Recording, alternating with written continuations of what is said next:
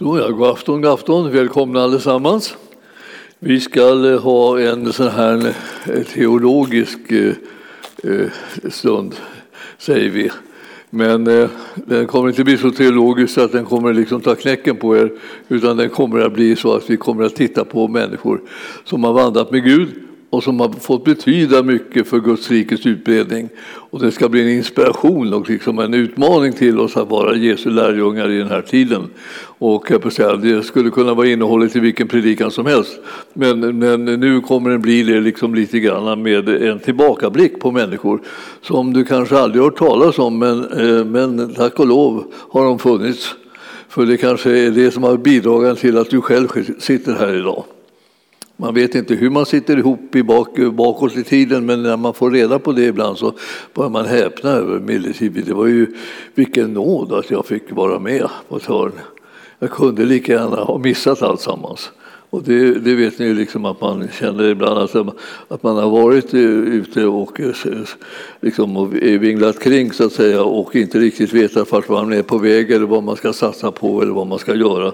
Så, så, så märker man extra mycket att det är ett stort under att man faktiskt står här liksom, eller sitter här nu och, och har kunskap om Jesus och tro på honom och eh, börjar tänka så här jag undrar om jag inte ska lägga hela mitt liv i hans hand och följa honom helt och hållet. Alltså utan massa reservationer. Så. Det, det, det skulle vara härligt. Ja, då behöver man höra att det, liksom, det, finns folk som har överlevt det. Och inte bara det, utan de har, liksom blivit, ja, de har blivit delaktiga av det eviga livet. Och eh, himlen är, är liksom inte någon teori längre, utan en verklighet för dem. Ja, eh, vi har talat om olika århundraden här och vi har talat om eh, jag vill säga, reformationen på 1500-talet och så där. Vi har talat om 1600-talet liksom, eh, då det har varit en, blev en ganska lagisk period efter det att man hade förstått att allting var av nåd va? på 1500-talet. För Luther kom liksom att, att och det, vad som gällde var alltså nåden, tron och på nåden alena, att det var frälsningens grund. Därför att Jesus hade gett sitt liv för oss. Och det här, eh, det här vet vi ju liksom så tydligt och klart. Då. Men, men när man kommer redan in på nästa århundrade så liksom hade, hade lagiskheten liksom och, och kraven eh, kommit i kappen igen. Och nu eh, höll man på där och kämpade med hur man, skulle, hur man skulle leva. Man jagade varandra och man hade massor med regler och hela samhällets apparat var igång på att kolla folk och vad de gjorde. Gick de i kyrkan? Gick de eh, i nattvarden? Eh, döpte de liksom sina barn så att eh, de kom med i den kristna statistiken, på säga. Och sånt där. Alltså höll man på med hela tiden. Om man inte lät döpa sina barn och inte konfirmerade som en bekräftelse på det eh, så, och inte gick i nattvarden, då fick man inte gifta sig. Och fick man inte gifta sig så fick man inte bo ihop, eh, behöver jag säga, i vår tid. För det verkar ju som att nu då tar vi utan, utan vigsel. Nej, så det, det gick inte. För då, då åkte man fast för hor. Så att det var, det var ingenting att välja på så här, utan här var det frågan om att göra det enligt reglerna. Och samhället var mycket intensivt på det. Och särskilt när vi kommer in så här lite grann på 1600-talet så, här, så, så börjar en bit in så börjar det bli eh, liksom en, en protest mot att, att, att ha den här lagiska förkunnelsen. Och så kommer det liksom en ny våg så här utav, av, av försök till frigörelse, liksom, så att man kunde få den frihet som tillhör Guds folk. Eh, Nämligen att man kunde få nåd och känna att Gud älskar en och, och att han, han har räddat en. Och så här. Jesus har inte dött förgäves, han har, han har dött för dig och mig för att vi ska kunna bli förlåtna när, vi har, när våra synder och brister kommer i dagen.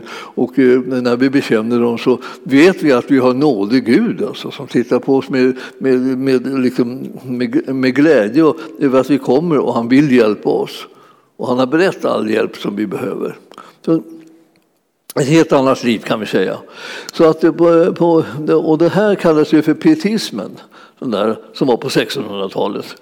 Och, och, och, då var det en man som hette Spener som hade skrev en bok som blev så oerhört eh, eh, liksom, eh, i ropet. Så den hette Pia Desideria på, alltså på latin. Det betyder fromma önskningar, alltså, alltså fromma målsättningar eller, eller, eller det man tänkte att skulle kunna hända. Vad är det, vad är det Herren egentligen har utlovat? Och så att man fick gripa om det med sin tro för att det skulle bli verklighet. Alltså. Det här, den här boken liksom, den blev den blev väldigt då liksom oroväckande för alla kontrollandar som levde på den där tiden. Eh, kontrollandar finns ju fortfarande, men, jag menar, det, det här är ju väldigt det är skillnad på ordning och kontrollandar. Kontrollandar kommer ni märka, liksom, de är plågsamma. Eh, men de som upprättar en ordning, de, de kommer med ett skydd eh, så småningom runt omkring en. Och det tar ibland lite tag innan man upptäcker det. Men när man väl upptäcker det så kan man känna sig tacksam. Herren bereder också ett skydd runt omkring dig och mig. Eh, och han vill att vi alla ska känna till det så att vi kan liksom leva i trygghet med honom. Men eh, 1600-talet det var vart väldigt, väldigt rabalder där till slut och det blev ju 30-åriga kriget inledningsvis. Och man, man slogs med varandra i stora härar genom hela Europa. Liksom. Och, eh, och särskilt Tyskland och Sverige var väldigt engagerade i det här kriget. Och eh, vi, vi och det, det, gjorde man därför att man ville liksom vakta tron, den, den rätta tron. Och Sverige var protestantiskt och Luther-troende eh, och vi ville det naturligtvis att det skulle skyddas. Och de som vi stred mot var katolikerna som var stormakten kan vi säga i, i hela sammanhanget. Och de hade våldsamma stora härar och mycket makt och mycket inflytande och de skulle då liksom kunna tänka sig besegra den här lilla pluttstaten där i norr. Men det visade sig att den var, hade fler muskler än den, de visste om så det blev mycket, mycket svårare och det blev väldigt krigande under så lång tid innan man kunde komma till, fram till en, en fred då, eh, 1648. Men ni förstår att eh, eh det där är en skam på sätt och vis. Alltså, kristna har gjort många saker liksom, som har blivit en skam. När de ska, när de ska liksom skydda någonting och de ska ta tag i någonting så här så använder de vapen istället för att göra det på bönens väg eller på samtalets väg eller till problemlösningens väg eller sådär. Men utan man tog till vapen. Och vi är, än idag, när jag kommer ihåg när vi gick ut för många, många år sedan här i Kungsängen och skulle knacka dörr för att vittna för människor så, så vad fick, vi, vad fick vi höra då när vi, när vi knackade på de här dörrarna? Eh, jag, jag ringde, man ringde på dem, alltså ring, man ringklocka, modernt och bra men så. Men i alla fall så, då öppnade de dörren och sa, ja vad är det? sa de då. Och då sa jag, ja, jag sa så här, känner du Jesus? Jesus? Sa de då. Och så liksom verkar det som det rörde sig upp i skallen vad de skulle kunna hitta på för någonting att hitta på. Ja, känner du till korstågen? sa, sa de då till mig. Korstågen, tänkte jag. Nu måste jag liksom börja grubbla. Så här, vad, ska, vad, vad ska jag svara nu då? Liksom så. Eh, de, jag kör med Jesus där först och så kör de med korstågen. Då. Ja, alltså, efter en liten stund när vi hade liksom försökt att och, och säga att korstågen, ja, ja, eh, de, är, de är inte jag, någon, jag stöder inte korstågen. Jag, jag, jag är här för att berätta om Jesus. Ja, men det, det, de, de, de, de här var ju, trodde ju på Jesus, eller hur? Sa de då. Och så småningom började det bli så. Men tänkte jag så här, nu har vi snart en diskussion som inte kommer att leda till deras frälsning. Ja, så, så, så. Så ja, så om, du, om du vill höra om Jesus så, liksom, så, kan du, så kan du höra dig av sen om du har tänkt på det. Så, här. så gav jag en liten, liten, sån här, liten lapp de skulle få kontakt med, liksom, med oss från kyrkan. Då, då. Eh, och, så. Eh, eh och så gick jag vidare till nästa dörr. Då. Det där med att råka ut för korstågen när man liksom ville köra Jesus känd, det, det, var, det var jättekämpigt. Alltså. Det, var liksom, det var ju verkligen en skam vad kristna och ner och, liksom, och, och, och folk i massor, stora, stora härar och, och så för, och får de för sig att de ska komma till himlen liksom lättare och snabbare snabbare genom att de ställer upp på korståg och så här. Allt det här var ju naturligtvis rena rama eh, vanvettet och villervallan. Det var inte alls det som den kristna tron eh, handlade om och det vill inte jag gå omkring där och påminna dem om korstågen. Jag, jag hade ju en helt annan tanke att det skulle vara. Men ibland så kommer våra synder att ligga i vägen för oss. Och om vi inte gör upp med dem så, så, och, och får förlåtelse och, och saker ur världen så, så, är det som att det biter sig fast liksom, i, i världen och de tänker att det här, kan jag, det här kan jag skydda mig med, jag behöver inte ta emot någonting, jag behöver inte ändra mitt liv, jag behöver inte skämmas för någonting. De har ju mördat massor med människor liksom, i, i Herrens namn. Så. Det känns ju fortfarande liksom obehagligt att säga det bara. Men ni förstår, det där var inte någonting som var av Jesus initierat. Utan det, där handlade om, om mänsklig önskan om makt och inflytande. Och den finns kvar än. Men Jesu erbjudande finns också kvar än. Och det är det som vi håller på med nu. Vi gör, försöker göra honom känd. Så att man låter bli liksom att, att liksom köra, köra vilse liksom, bara därför att det finns så mycket misslyckanden och, och elände så att säga, som har kommit till stånd genom, ibland bland kristna genom tiderna. Nu krigade man på 1600-talet våldsamt. Då. När man kom in på 1700-talet så då hade man ju småningom alltså eh, slutit en fred och sådär. Men fortfarande var motsättningarna många genom alla riktningar och sådär. I början på 1700-talet så eh, vill jag bara påminna er om, då föddes en man som hette eh, greve Zinzendorf. Ja, jag vet inte om ni har, har brytt er om att lära känna honom. Eh, han var, han, var, han var verkligen en slags enastående person, alltså, kan man säga.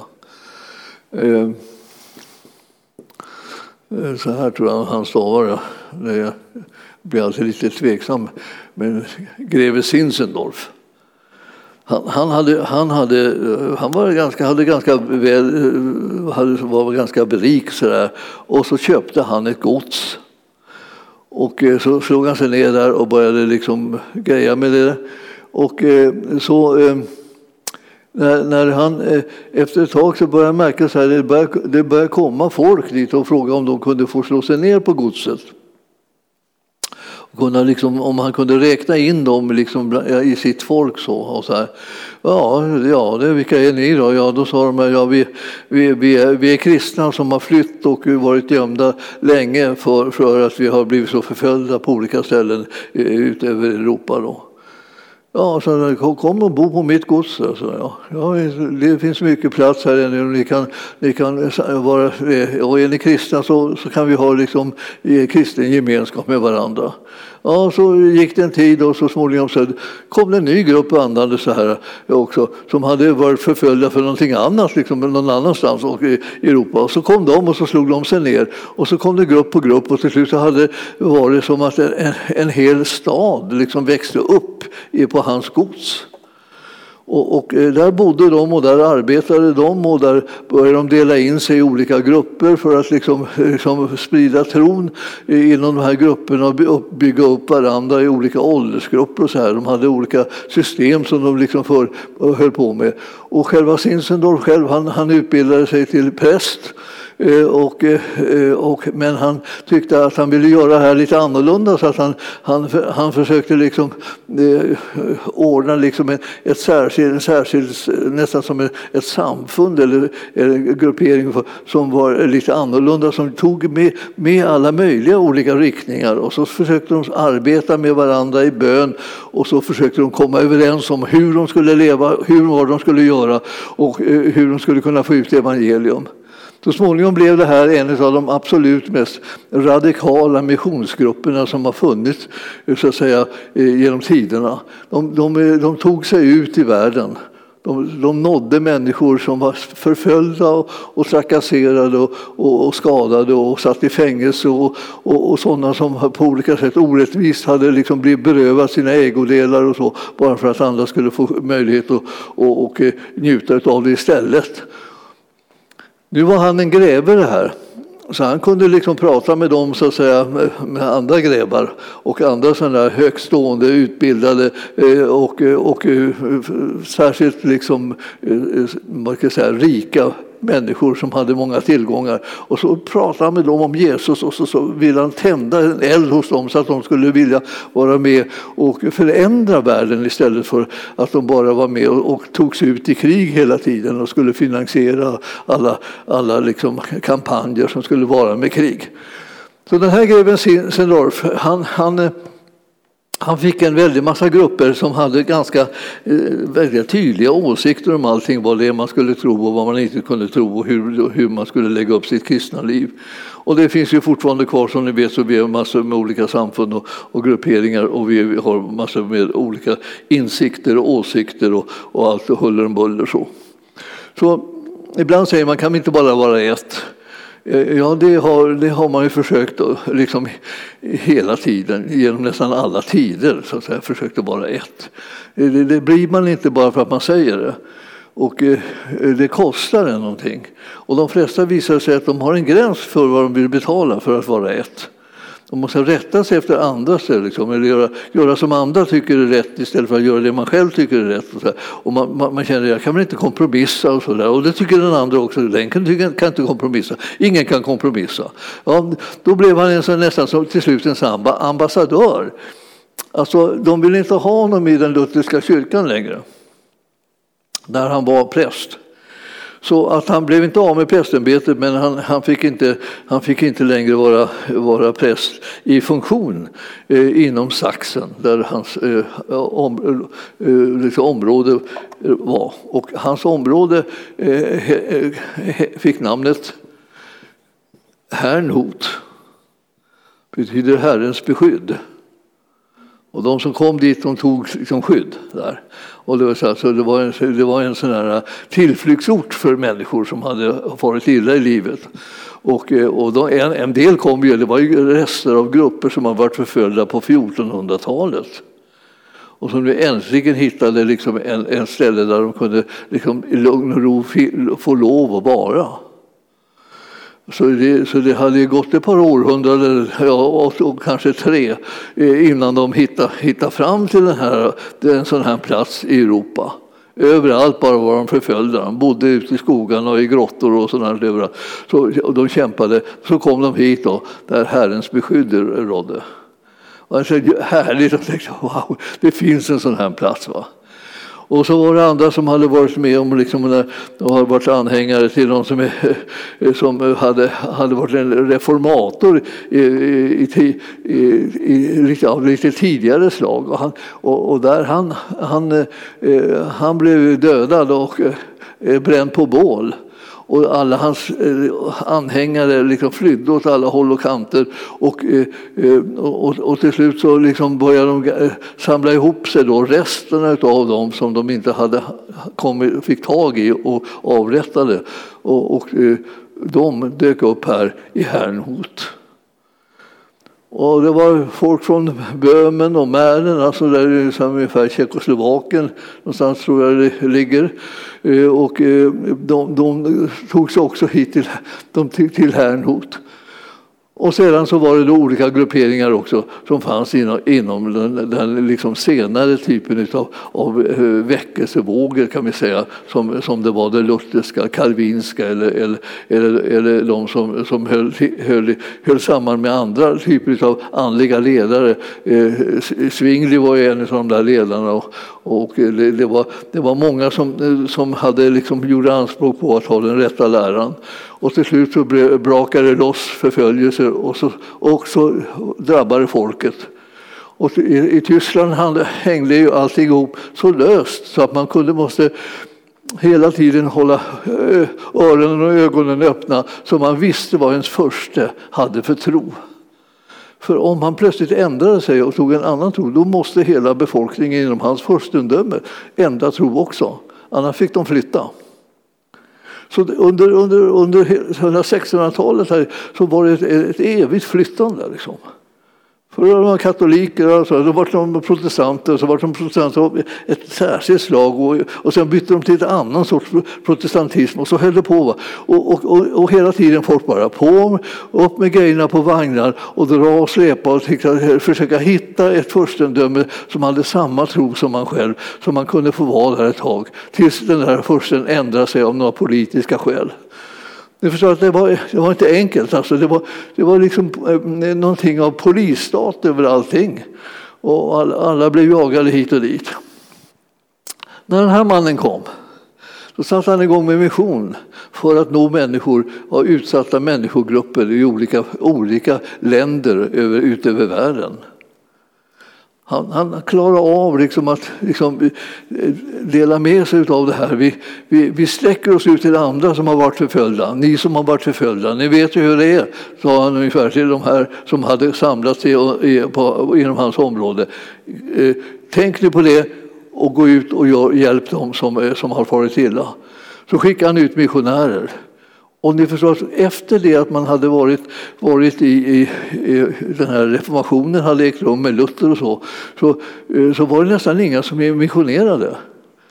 De trodde inte att det behövdes längre, för Europa var ju eh, kristet, tyckte de då.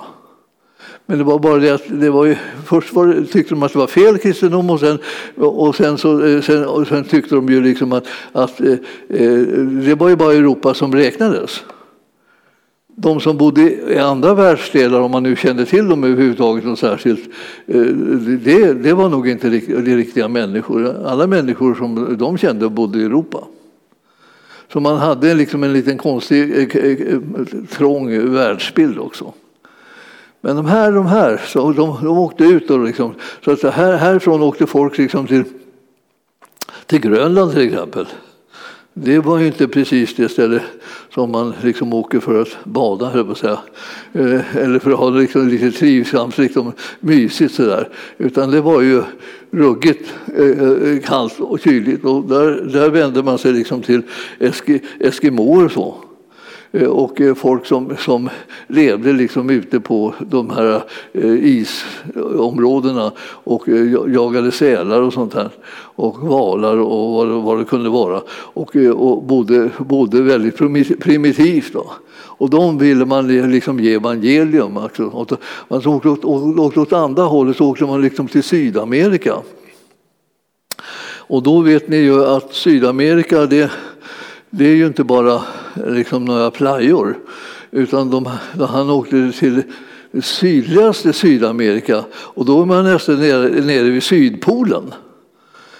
Så det är eh, ruggigt klimat om vi säger själva spetsen på den här och där fanns det till och med, till och med liksom en speciellt liksom, eh, en, liten, en liten grej. Så här. Om ni tänker att Sydamerika ser ut så här, va?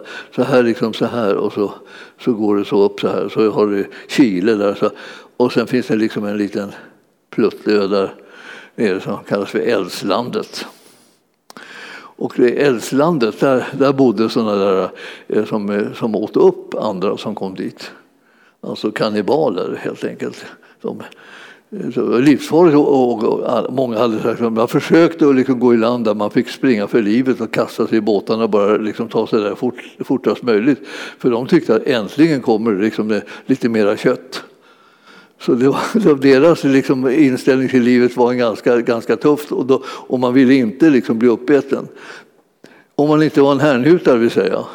För, för då, om det kostar att bli uppäten så betalar jag priset. Så ungefär så kunde de resonera. Sen åkte de då till, till Eldslandet och klev i land. Och det här, det här, det här var ju liksom så dåraktigt att de som, som hade tagit dem med skepp dit, de vände skeppet så att säga ögonaböj och bara åkte därifrån snabbt när de hade fått dem här i land. Och de såg ingenting. Så när de skulle komma tillbaka och hämta dem liksom så, eh, så var de alltså uppätna. De, de hittade lite rester av, så, av dem. Och då eh, meddelade de då det till, till missionsorganisationen här. Att eh, tyvärr, de som vi lämnade av där, de blev uppätna. då ska, vi, då ska vi bedja, sa de där. Och så gick de och bad och så liksom eh, bestämde de sig för att de skulle eh, kalla på flera som skulle åka dit. Några som ersatte dem, som hade blivit uppätna. Och då, och, och, eh, då anmälde sig då ett antal människor och så och, åkte de ut också. Och nu tänkte de så här, vi, eh, vi kanske kunde gräva ner lite mat här och där så kan de här eh, som vilda personerna, stammarna där, kunna gå och gräva upp dem och greja med det istället för att jaga oss. Så de försökte liksom göra liksom avledande rörelser och så.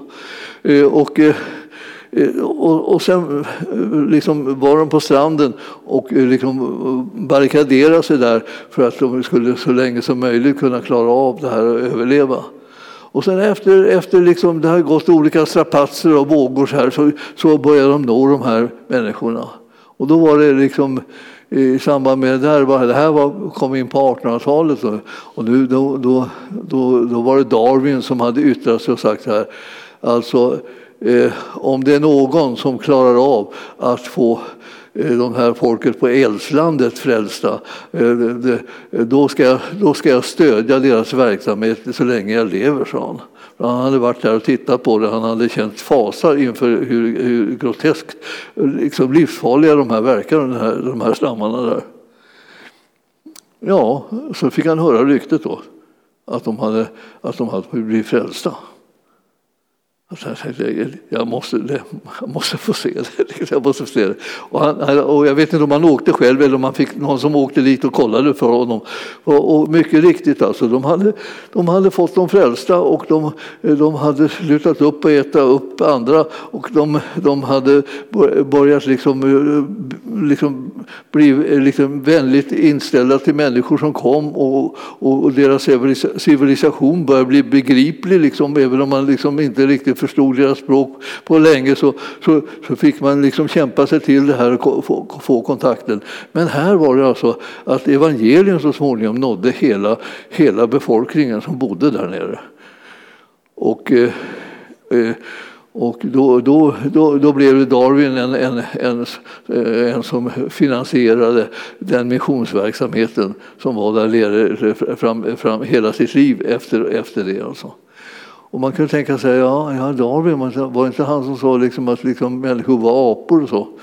Eh, nej, det, det, det, sa han inte, men, han, men det var ju så man sa om honom.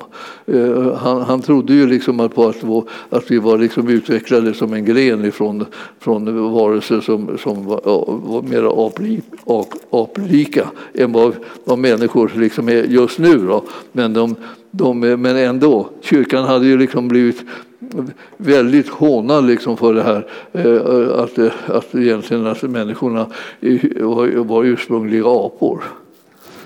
Men Darwin han, han, han stöttade den här missionen i, i alla fall. För det, liksom, det var inte det som, det, som där riktigt, eller den där punkten som han hade, hade att då han skulle kunna tänka sig liksom, nu är jag upp, liksom, jag, jag är hopplös, liksom, jag har fel och, eller jag har, eller strida mot det för att säga jag har rätt.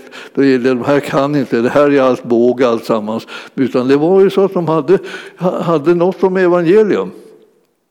Och då, då, då, då blev det så att, att, att Darwin, det visade sig småningom liksom att han, han var ju gift och, han hade, och hans hustru var kristen.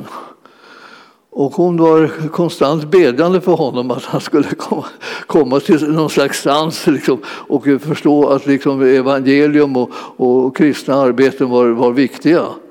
Och, eh, och eh, han, han var, blev liksom eh, mindre och mindre aggressiv liksom mot det här att han hade fått så mycket motstånd av, av kyrkan för sina teorier. Men, men ni, ni förstår att, att, det här var en sån där sak som påverkat världen och påverkar världen ju än idag, eh, liksom hur man ser på det där. Och man tycker att det är väldigt humoristiskt, liksom, att, att det finns så många likheter rent utseendemässigt och liksom fysiskt mellan, mellan aporna och människor. Då. Så här, eh, när man sen höll de på så här, när de kom till Sydamerika så var det också i den, i den, den delen som hade Eh, massa övärlden som ligger här i Västindien, som det heter. Alltså mellan eh, Nordamerika och Sydamerika så ligger ju den här eh, mexikanska gulfen, eller golfen, golfen, golfen heter det väl kanske. Där, där, där var ju mängder med öar och, och, och där var det slavhandel som gick och var på full gång. Och man hade från Europa sett massor med människor och förslavat dem. Och det gjorde man också i, de här, i den, alltså den övre delen här, alltså i Mellanamerika här, som mellan Nord och, och, och Sydamerika. Eh, där låg ju en del eh, del länder och, och, och, städer och sådana här saker som man kom ut till då tidigt och många stora kända stammar så att säga var där som var de dominerande. Och de, till de stammarna så, så där försökte man få dem att, liksom, att jobba i plantager och sånt från Europa. Och nu åkte eh, härnhutarna ut för att få dem frälsta. Och det var väldigt svårt att komma i kontakt med dem. Så att det de gjorde var den radikalaste, liksom mest självutgivande steget som man kan tänka. Alltså de sålde sig själva till slavar, de här missionärerna, för att de skulle komma in bland slavarna och eh, därmed också kunna nå dem. Så att de var inte representanter för de här andra, de hade själva blivit slavar och därmed så kunde man liksom kommunicera med dem som man mötte för att man var i samma båt. Och så fick de föra ut evangelium till, till bland slavarna här. Så gjorde de också bland indianerna, både de liksom i, i Nordamerika men också de här i Sydamerika.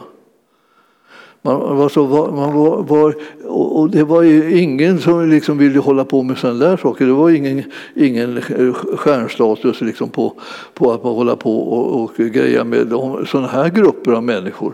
Utan man ville ju liksom göra liksom mera uppskattade saker. Och det här, det här, över hela världen så, så på olika sätt så var de verksamma.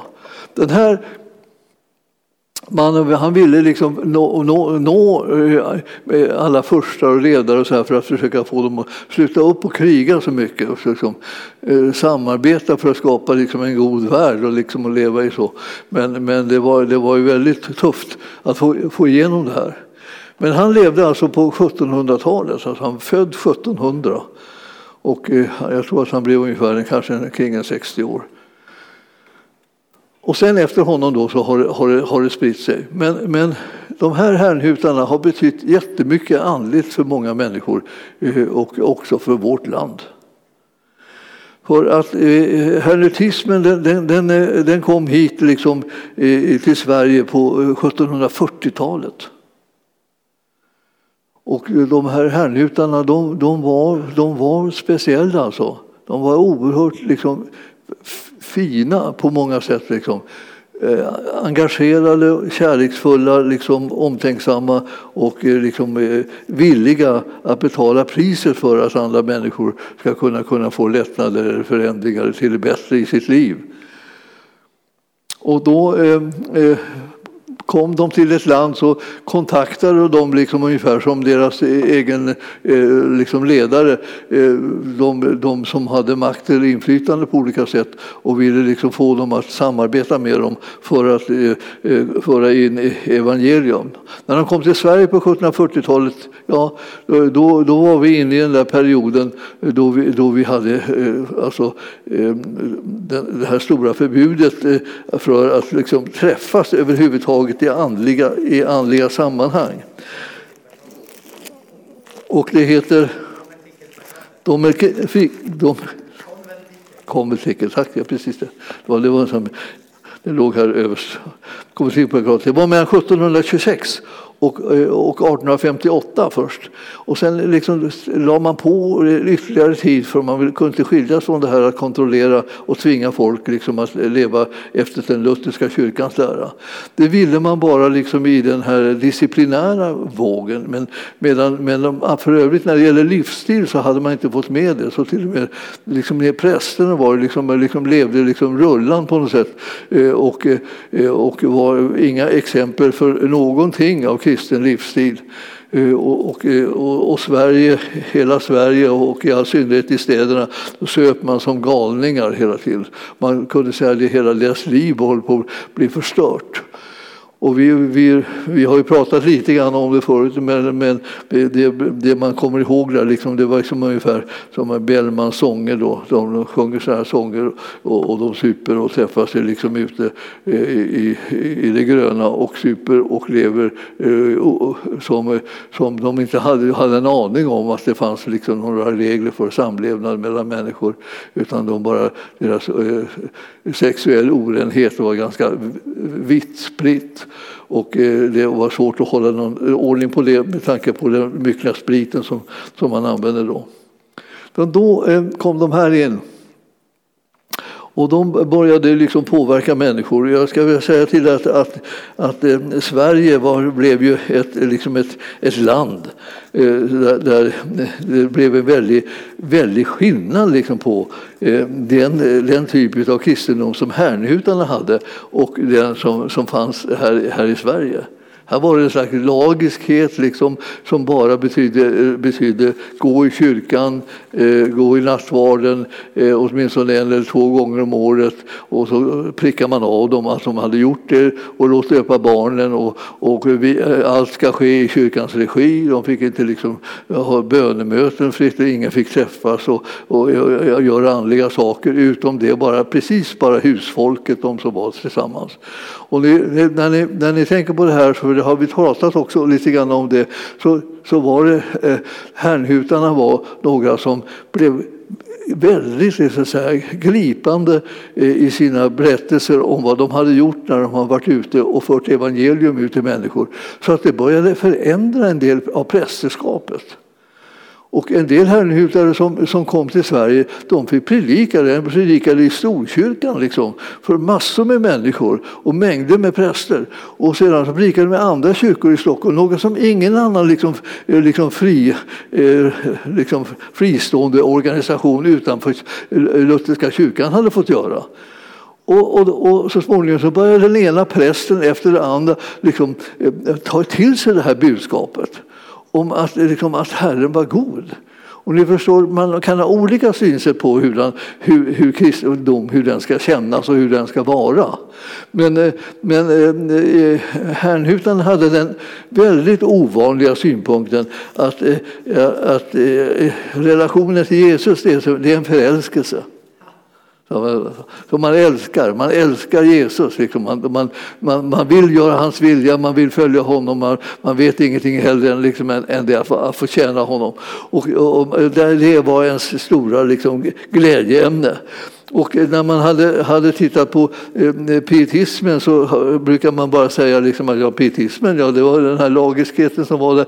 De sa att kristendom, det är svårt det. Det är svårt. Och sen så, eh, så, så fanns det andra, andra att, som sa så här att ja, ortodoxin, liksom den renlärighetens period, då säger man bara kristen tro, det, det är lydnad det. Punkt slut. Du gör som vi säger. Ingenting, ingenting är tillåtet riktigt med en sån, utom det vi säger. Så tänker man. Alltså, och vi har kanske stött på lite av varje av det där. Men, men, men härnhutarna, alltså, deras sätt att liksom tala om Jesus, att de älskade Jesus och så här, det var liksom alldeles för personligt för, för, för folket liksom egentligen här i Sverige. Man tyckte det här var jättekonstigt. Va? Men en del präster de hade varit så svältfödda på kärlek i relationen till Gud så att, så att de bara hungrade efter det här och satte igång och predika på samma sätt. Och då när det, här, så att, när det vällde på då, liksom med, med sådana här typer av predikningar så, då började människor bli liksom lite, liksom lite fria va? och lite släppte taget här och där. Och, och, eh, och, och, de, och, och samhället reagerar med ännu starkare motåtgärder för att kontrollera och stoppa det hela. Och, och, och de, de jagade och de tvångsdöpte barn och rusade omkring här. Och, det, och här. Vi hade ju här ute på Lejondal som ligger här ute i Bro så hade hade vi ett par eh, som eh, som hade sådana här eh, liksom, härnhutiska idéer och, och, och var liksom lite förvirrade som samhället skulle säga, eller mycket förvirrade när det gäller dopsynen också. De trodde att man skulle bli död på sin tro. Vilket, vi, ja, vilket vi gör, vi tror. Men, men menar, det, det, det, det, trodde man inte då, utan då skulle alla alla skulle döpas. Eh, och det behövdes inte att, att barnen eh, trodde någonting. Utan så. Det skulle bara ske. Och allt det här hängde ihop. Kontrollerade de hela samhället liksom genom, genom alla de här olika typerna av, av eh, liksom, vad säger, ritual som man skulle gå igenom. Om man inte gått igenom dem så, så, så stängde sig den ena biten efter den andra i samhället och man kunde inte göra någon karriär på något område förrän man hade rättat till det här att man rättade sig in i kyrkans lära. En, en man som, som kom och började också verka liksom på, på eh, med, ja, slutet av 1800-talet, kanske början, början, början, nej, början av 1800 slutet av 1700-talet. Det var liksom en man som hette eh, eh, George Scott. Han var, han var eh, eh kan vi säga, eh, metodist snarast. Då metodisten det var, ju, det var John Wesley och, och, eh, och, och, hans bror eh, som hade startat den, eller om man ska vara riktigt sanningsenlig var det mamman. Alltså Susanna Wesley som hade startat metodismen, hon höll ihop en, en, en, försam, eller en församling, en familj som bestod av massor med ungar. Jag kommer inte riktigt ihåg hur många det är, jag ska inte säga någon siffra för någon, då tycker alla bara att jag överdriver. Utan, utan det var mängder med barn. Va? Och hennes man var någon slags lite, lite lite högkyrkligt artad person som inom, inom anglikanska kyrkan. Och eh, de här bröderna Wesley de tillhörde också anglikanska kyrkan. Eh, och, eh, det, och Wesley han höll fast vid det hela livet fast han egentligen startade en annan rörelse eh, som heter metodismen. Och metodismen kom från att om man har väldigt många barn och, eh, och, och vill att de ska gå i skola och så, så, har man inte råd att ha dem i skolan, men, men man kan göra det själv. Hon organiserade barnen från den äldsta till den yngsta och så hade alla barnen så att säga, eh, som uppgift att undervisa eh, årsklassen under dem. Så, att, hon startade med den äldsta och undervisade den och sen undervisade den nästa och den nästa. Och den nästa. Då hade hon bara en, liksom gick omkring och såg, hörde sig för hur det gick med undervisningen, att de klarade av det. Och, och det var ett väldigt bra sätt för dem att lära sig det här sakerna ordentligt. För när jag ska säga det till någon annan så ska det ju funka för den också. Så att hon, hon hade en väldig drill på det där. Och det betydde det att man gjorde saker och ting på bestämda tider. Alla måste hålla tiderna, och alla måste göra det då när, vi, när det var bestämt. Så att ungarna gjorde saker och ting någonting bestämda. Om man hade bestämda måltider och man bestämda bönestunder. Om man hade bestämda tillfällen då man gick i kyrkan och man hade bestämda eh, tillfällen då man liksom gick och la sig. Och när man steg upp. All, all, allting var styrt, styrt, styrt, styrt, styrt i, i detalj. Och för att hon skulle få hela den här familjen. För på något sätt så är, är, är den här pappan i den här familjen eh, som var präst då. Han var inte där så mycket och då skötte hon församlingen också. Eh, mamma Susanna alltså. Hon skötte församlingen och skötte familjen och, eh, och hon, hon var, hade ett finger med i allting kan man säga. Och det här var ju jätte, jätte, jättefint, vad kan man säga, alltså, beundransvärt och alltihopa. Och de här sönerna tog ju efter, så när de kom till, till universitetet sen då, så, så började de organisera sina, sina liv på samma sätt. Så det var tider när de skulle äta, när de skulle sova, när de skulle, när de skulle studera, och när de skulle gå i kyrkan, när de skulle ha bönemöten och så vidare. Och alltihopa det här. Och så körde de runt, runt, runt, runt, runt, runt, runt hela tiden. Och eh, de, de, de, de började kallas för eh, The Holy Club den heliga klubben. Liksom. De, de, var, de, var så, de var så disciplinerade, de var så noggranna med att de skulle liksom sköta allt det här precis som om mamma hade varit närvarande kan vi säga. Ungefär. Och de, här blev, de, då fick de namnet metodister, för det hade de inte tagit själva. De, själv, de, de, kunde acceptera The Holy Club, men alltså metodister det verkar vara liksom, liksom något kritiskt med det. Som att ni bara håller på att göra allting metodiskt liksom, och det finns det något liv i det. Men det visar sig att det där med livet det fick de inte tag i förrän de träffade herrnjutarna. Och när, eh, en, vid ett tillfälle så skulle den här John Wesley han skulle åka, eh, åka till Amerika eh, och det var den stora, stora väckelsetiden där i Amerika ut med ostkusten då innan man hade kommit så mycket längre i, i, i, in i landet så var, var, bodde européerna så att säga, som hade flytt. De bodde där på kustlandet. Eh, och, och då så eh, skulle de, skulle de åka, åka dit och predika. Och dit hade en av de stora, stora predikanterna åkt också som också var metodist som hette Whitfield, George Whitfield. Och han, han, han predikade så han nästan dog Eh, så, så, så otroligt intensiv predikant. Så att eh, eh han spelade upp alla, allt det här, alla exempelberättelser som han hade, så sprang han och spelade alla roller så här, eh, inför folk. Och så vrålade han högt då för att det skulle kunna nå skarorna, för han hade så enormt mycket folk som kom till hans möten. Och de skulle allihopa höra honom. Alltså. Så att han stod uppe, eh, ofta uppe på någon mur eller, eller på något, sån här, något flak eller någonting sånt här som de hade eh, eh, fram en vagn och så kunde han komma upp lite grann och så skulle han kunna höras långt.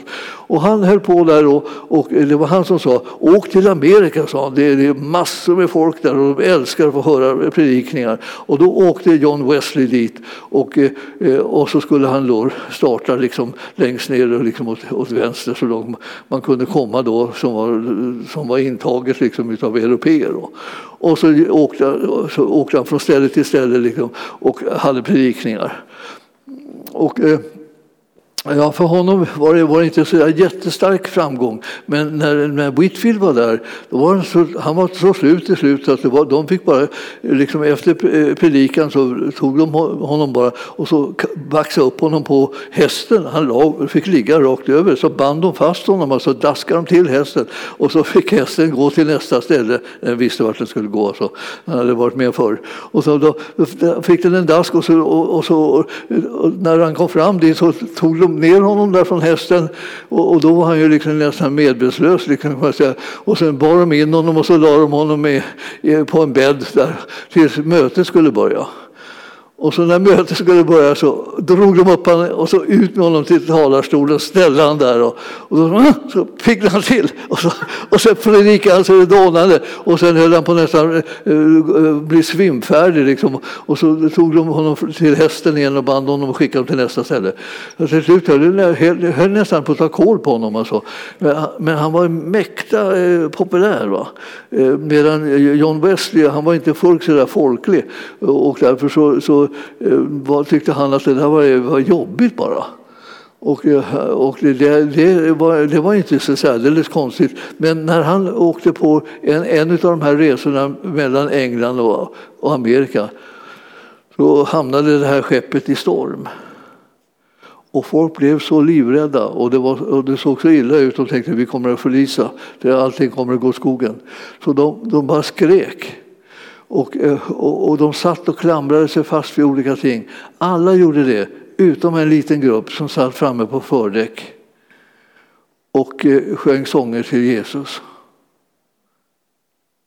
Och eh, John Wesley som var väldigt rädd för hur det här skulle gå nu, om de skulle kunna överleva eller inte. Han tänkte hjälp, hjälp, hjälp, jag är redo, jag är redo att komma, liksom, klara av och komma till himlen har jag gjort av vad jag ska. Och så här. Han var liksom lite lagisk sådär.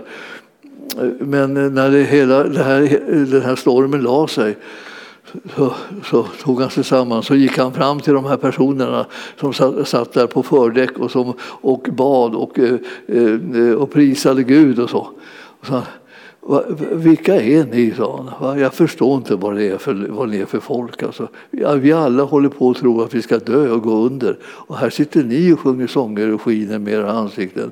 Vad, vad, vad är ni för några? Och då sa de så här, ja, ja, ja, ja vi, vi, vi är liksom, eh, ja, de kallar sig inte för wesleyaner, men det kallar man ju dem sedan. Men eh, vi, vi, vi är liksom eh, helt enkelt eh, en grupp som, som älskar Jesus. Och eh, vi, vi och vi, vi, har, vi, har, vi, vi, har, eh, vi har kommit från Herrnhut. Så det var Zinzendorfs gäng som satt där och de, eh, medan Wesley, han som skulle vara liksom den trostärkande som varit ute och predikat och skulle hjälpa människor att leva så här. Han har suttit som en liten hare och tänkt bara på döden. Liksom. Alltså det skulle vara slut med livet. Så här. Det var vad han tänkte, det här skulle ta vägen. Alltså, han, Wesley, han, blev så, han blev så attraherad av de här härnhutarna som han mötte som, som, som, som prisade Gud och, så här, och inte liksom bara liksom tänkte på alltså nu går vi under, nu dör vi, nu är, nu är allt slut. Och så här. Som resten av dem. Alla tittade på omständigheterna och tänkte det här, var, det här nu är det sista, vår sista timme och, och sånt de hade inte liksom den, eh, den, förmågan att kunna se på det. De bara lyfte blicken och tittade på Jesus och, och, och, och hängav sig till honom och prisade honom. Och, och de hade en härlig, härlig stund där medan alla andra höll på att liksom fullkomligt tänka att vi, det, det, vårt liv är över. Då sa han, jag, jag, jag måste få höra mer om vilka ni är. Och så berättade de liksom lite grann om Herrnhut och vad, vad som försiggick där och hur man organiserade församlingarna där och vad man, hur man hade mission så att säga, ut över hela världen eh, eh för, för att Herren har kallat dem till att göra det. Och bland massa folk och stammar som han aldrig hört talas om. Och, eh, han var, har, ni, har ni något ställe där ni träffs i England? För jag, jag ska, vi ska eh, dit sen och ni kommer ju därifrån, ni kanske kommer tillbaka. Så var jag, ja, då fick han reda på ett, en adress i London. Och eh, eh dit eh, tog sig eh, John Wesley sen för att höra vilka de var. Så han gick dit och fick höra undervisningen och predikningarna och, och, och, känna den här andan, som där otroligt kärleksfulla, eh, generösa andan som fanns där i den där församlingen. Och, och eh, han, han, blev så, han blev så tagen av det så att man kan säga att han egentligen blev frälst. Alltså han hade haft bara en massa metoder men nu plötsligt när han fick möta honom, eh, Jesus alltså, och se honom hur han egentligen var, så blev han frälst. Och han, han, han, han, blev så, han blev så lycklig, han kunde inte känna igen honom när han kom hem. Alltså, när han kom tillbaka var han inte samma man längre. Och då började säga, och jag, och jag, jag har upptäckt saker, sa han. Jag har sett saker i skriften, jag har sett vem Jesus egentligen är. Och så började han liksom förkunna annorlunda. Sen började han resa och han, han reste under hela sin livstid, liksom, huvudsakligen i England, till häst från ställe till ställe och predikar och predikar och predikar och predikar och predikar och predikar och predikar. Till slut mot, mot, mot sitt, sitt livs slut var, så var, var han var nästan som en sån här, eh, vad heter det, eh, resa som kungarna gör. Alltså, eh, vad heter det? Eriksgata. Eriksgata heter det. Och så, så, han, så han red runt där och folk kom ut, alla ur alla hus överallt här och bara jublade över nu kommer han, nu kommer han som har det underbara budskapet om Jesus. Alltså. Och, eh, och den här metodiströrelsen så att säga, eh, eh, den, den, den, den växte sig jättestark. Men i själva verket så var det ju liksom nästan som en förgrening av hernutismen. Så att liksom, de hade fått dela med varandra liksom, olika kunskaper och insikter och så hade, hade det här växt fram. Och eh, när, när nu den här hernutismen kom till, kom till Sverige och en del präster tog sig an den så, så blev det liksom en slags grundst stråk liksom, i, i, i väckelser som kommer här i Sverige. Liksom den ena efter den andra har de alla påverkats mer eller mindre direkt liksom, utav hernutismen och den liksom, kärleksrelation till Jesus som man behöver ha för att, att man ska bli en övervinnare och inte bli bara liksom en, en, liksom en som går lag, lag, rent lagiskt följer Herren bara för att man måste, för, för att man inte vågar göra någonting annat. och sådär. Det, här var så, det här var så intressant. vet ni att, att se hur de knöts ihop. Och jag, jag ska säga, du ska minnas liksom den här hernutismen på det viset att, eh, att det fanns ett samband hela tiden som, som gjorde att eh, när det här, när det här sambandet liksom förverkligas så, så, så var det ju som att eh, de hade skrivit så här att hernutismen, ja, vad är det som är kännetecknande för utom att vi säger kärlek, så var det en glad religion. En glad religion alltså. Det var kristendomen det. Det hade ingen kunnat räkna ut tidigare. Alltså hur man än liksom tittade på det och tänkte på det så inte fick man i, i själva idén glad. Den, den dök inte upp. Utan det var, det var, en, det var en slags tvångsgrej som, som, som var, var snarast som en, liksom en, polis, som en polisstat hade liksom blivit aktuell för ens inre. Ortodoxin var liksom, där tyckte de där, alltså, de var lydnad och plikt och, och pietismen då, så, då tyckte de bara att det var jättekämpigt att vara kristen. Alltså. Man kämpade på och man kämpade. Och eh, det var därför att lagiskheten låg liksom hela tiden i botten. Men härnhutarna trodde att det var en lycka. Och eh, mm, jag rekommenderar den hernhutiska vägen. Tro att kristendomen är lycka. Det är en lycka att lära känna Jesus. Det är en kärlek och en glädje som man, som man får när man, när man är med honom. Och, eh, och man kan lära sig alltså att eh, det finns eh, saker som är viktigare än man själv. Det, det, det, är liksom någonting sådär som man inte kan lämna till andra att tala om för en om, om man lyckas eller inte, för det är inte säkert att de, att de ser det. Men när du tittar på dig själv så kan du veta liksom om, om det är så att, att, du, att du börjar tänka att det finns någonting som är eh, viktigare än du. Jesus han säger, du är viktigast. säger han till dig, eh, för mig är du liksom viktigast. Han ser på dig, han följer dig, han, han tänker på vad, hur, vilka utmaningar du har och han, han, han, är villig att stå till ditt förfogande så att, att hjälpa dig att göra det som är, är, är din önskan och din längtan. Och samtidigt är det så att så händer det någonting med dig och mig när vi får möta den där kärleken, nämligen att vi undrar samma sak, liksom, vad är hans vilja? Vad, vad, vad vill han göra? Och så börjar vi börja tänka mera på det, vad han vill, än på vad vi vill. Och efterhand så växer vi och mognar i det här och det uppstår en kolossal frihet.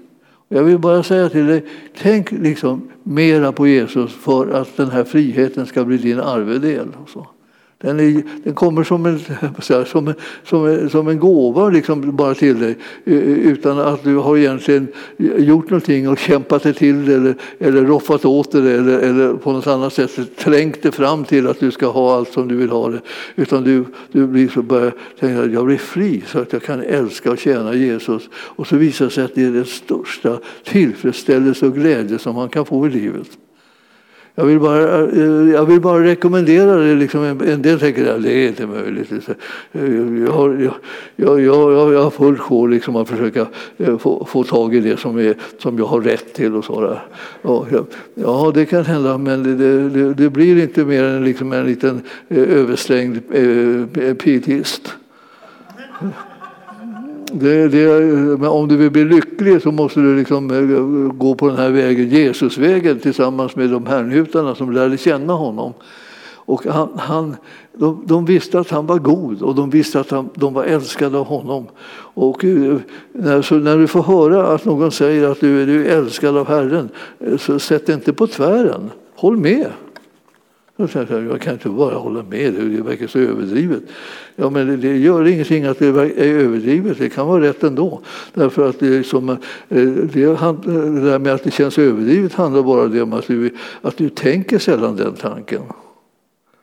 Men om du, om, du, om du börjar tänka den tanken så kommer du märka att den är inte överdriven, den börjar kännas nästan naturlig. Det är klart att jag älskade honom. Han älskar ju mig. Han har gett sitt liv för mig, för att rädda mig. Och jag, jag, vet att det är detsamma för alla andra människor också så jag, får, jag, får, jag har chansen att berätta det för dem. Att de är älskade av Gud. Jesus är liksom det mest påtagliga liksom när det gäller det här med, med att få ut budskapet eh, om den härlighet som finns i kristendomen och den lycka som finns där. Tänk att få möta en sån frälsare som han. Jag vill säga, det, det, finns ingenting som går upp mot det. Och därför så vill jag säga, eh, sök honom. Och eh, ibland så vet vi det där, vi känner till att vi ska söka Guds rike och hans rättfärdighet ska allt det här andra tillfalla oss. Ja. Och, och, och det där Guds rike och, och hans rättfärdighet den kommer i och genom Jesus. Det är när han blir centrum som riket upprättas. Och det är då också rättfärdigheten liksom blir synlig. Att du har blivit godkänd, accepterad och mottagen av Gud. älskad av Gud är vad du och jag är. Eh, oavsett hur det känns eller ser ut just nu så är det det som är sant. Så vi sänder ut liksom en sanning för att den ska liksom plöja bort Eh, lögnen och alla lögnens idéer om att vi, inte, att vi inte duger och att vi inte är bra och att vi aldrig kommer att klara någonting. Det, sånt, sånt, är, sånt är lögn i Herrens ögon. För honom är nämligen ingenting omöjligt. Han vill att du ska hålla med honom. Så att det är inte så att du ska bara säga ja det, det syns ju att ingenting är omöjligt. Utan jag vill att du ska bara säga håll med honom. Du behöver inte räkna ut hur det ska göras. Det är precis samma sak som folk tänker. I början så skapar Gud himmel och jord. Hur gjorde han då? Säger någon. Ja, han var Gud och så gjorde han det. Det, det går inte liksom... Vad ska man säga? Liksom mer än så här, han gjorde det därför att han var Gud. Ja. Och, och hur, hur, hur, kan han ha gjort någonting för dig och hur ska han kunna rädda dig och hur ska han kunna hjälpa dig och så vidare. Eh, eh han kan det därför att han lovar det och han håller vad han lovar. Eh, hur kan han göra det? Han är Gud. Sådär. Plötsligt så jag intresserad för honom som har sådana fantastiska möjligheter. Intresserad av att höra vad han säger och vad han tror och vad han tänker om situationen och om dig förstås. Så kommer du få en glad överraskning. Det är ofta så den här stränga herren som, som dyker upp i ditt liv, det kan vara du själv. Som liksom inte godkänner någonting och tycker att allting är otillräckligt. Medan Herren säger här, att, det, att du finns är en glädjekälla för mig, säger han. Och så tänker han på dig. Och då, då du säger tack, säger man då. Och eh, så småningom kommer du säga tack, du är min glädje också. Herren är vår glädje. Så att nu har vi talat lite grann om, om härnhutarna. De kommer nämligen genomsyra eh, liksom de, de olika eh, eh, rörelser av, inom frikyrkligheten som har kommit till stånd. Olika sidor av, av, av de här rörelserna blir, blir märkbara och synliga i, i, inom, inom frikyrkligheten. Och det hänger ihop med liksom att man börjar göra saker och ting i, i, i linje med vad gudsordet säger. Man tror honom på det han säger att han har gjort. Man tror honom om det. Man tror att det är givet, man tror att det är gratis, man tror att det är ren nåd. Alltså. Man tror att det är kärlek som driver honom och genom att man har fått möta den kärleken kan man själv också i tro vandra i hans efterföljd. Man, har, man, man har, bygger inte upp hela tiden ett hinder mot att det, det är så goda som Herren säger så att man inte ska ta emot det för man vågar inte tänka så här, tänk om jag, tänk om jag liksom blir besviken. Tänk om jag blir besviken. Här tror man går omkring och sagt att han älskar mig hela tiden och så visar det sig så småningom att det gör han inte alls. Han är jättesur på mig. Han, han står inte ut med mig. Liksom. Han tycker jag är så trött och, och, och hopplös och omöjlig. Nej, så. Han, han, han är en sån som kan älska för han, han är Gud. Så därför kan han älska alla människor. Det står, står till och med så, så egendomligt som att så älskade Gud världen. Världen, det är ju de man ska akta sig för. Världen, det är läskigt. Liksom. Det är där synden är. Och så älskar Gud världen. alltså. Att han utgav sin enfödde son för att var och en som tror på honom inte ska förgås utan ha evigt liv. Det var det han planerade för världen alla de som är i världen som han älskar. Vilket otroligt kämpigt läge att älska hela världen och se så stora delar av världen ännu liksom bortvänd. Men att de är bortvända, det tänker han ändra på. Gör gemensam sak med honom, alltså. ändra på det. Herren är mäktigare att ändra på det och du kan göra gemensam sak med honom och vara med och ändra på det. För Herren älskar alla människor. Så när vi möter dem så är det liksom inte det, hur, hur verkar de nu då? Utan det är så här, de, de är sådana här som är älskade av Gud. Berätta det för dem. Det går. Och efter till när man, de blir chockade förstås och tänker, vad är det här för något konstigt alltså? Ska du inte kritisera mig? Tycker du verkligen om hur jag lever? Nej, jag tycker om dig. För den kärleken har Gud lagt ner i mitt hjärta. Att du ska kunna bli fri från det som förstör ditt liv och bli öppen för det som bygger upp ditt liv och gör att du blir till eh, välsignelse för fler och fler människor. Hjälpa dig att bli det som Herren har tänkt. Så det här, att det finns sådana här riktningar, det, det behöver vi tacka Gud för. Liksom. Det, är, det är en fantastisk gåva. Och vi, genom det, att vi lär känna dem, så ska vi inte ge tappt, för det kommer fler. Det kommer fler och det kommer fler och det kommer fler grupper som ser olika saker och upptäcker liksom hur Herrens kärlek tar sig uttryck på det ena och det andra sättet för, för nya människor och nya grupper av människor. För att liksom du ska se vilken underbar och härlig Gud som du har. Himmelske Fader, vi ber att du ska komma med din heliga Ande och verkligen lysa på allt det här fantastiska som du har gett till oss när din Ande kom över allt kött. Och att du kom över människor för att de skulle kunna vara dina, dina lärjungar och dina vittnen i den här världen. Och vi ber här att vi ska få vara bland dem. Vi ber att vi ska kunna vara sådana som återspeglar och hjälper människor så att de kan bli delaktiga av den underbara kärlek och godhet som du bevisar oss i Jesus Kristus. Tack Jesus Jesus för att du kom till världen och gav ditt liv för oss. Tack Jesus för att det finns försoning och förlåtelse. Tack Jesus för att vi kan bli godkända och accepterade av dig. Jag bara prisar dig Herre för det. Hjälp oss att tänka dina tankar. Hjälp oss att, att se det som du har gjort Herre och hjälp oss att ta emot det som du har givit. I Jesu namn. Och församlingen sa Amen. Halleluja.